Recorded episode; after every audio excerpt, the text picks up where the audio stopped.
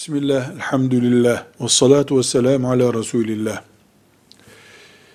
Cenaze evinde yemek konusunu ikiye ayırmamız lazım. Bir evden cenaze çıkınca taziye için uzaktan gelen akrabalar, yakından gelen e, tanıdıklar toplanmışlardır. Cenaze ile meşguliyet vardır. O gün orada kalınacaktır. Elbette orada gelenlere, uzaktan gelenlere yemek verilecektir. Bu yemeği de sünnete uygun olan yakın komşuların veya akrabaların pişirip oraya getirilmeleridir. Bu sünnete uygundur. Yani orada bulunanlar e, mesela iki gün cenaze evinde bulunuyorlardır. O iki günde aç duracak halleri yoktur. Bu sünnete uygun bir harekettir.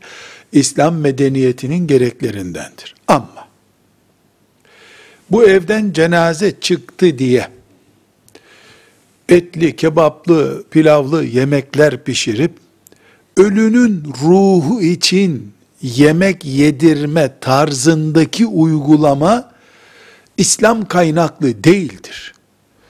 Buna ölünün ruhu için denen şey komiktir. Neden?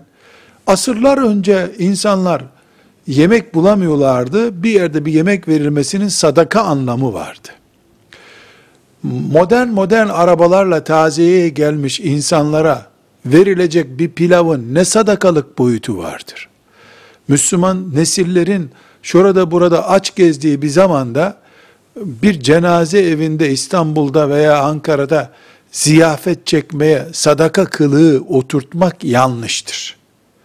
Cenaze evinde yemek yenmesini iki makamda görüyoruz. Birincisi Gelenler aç kalmasın diye komşuların getirdiği bir yemek yenir, kalkılır.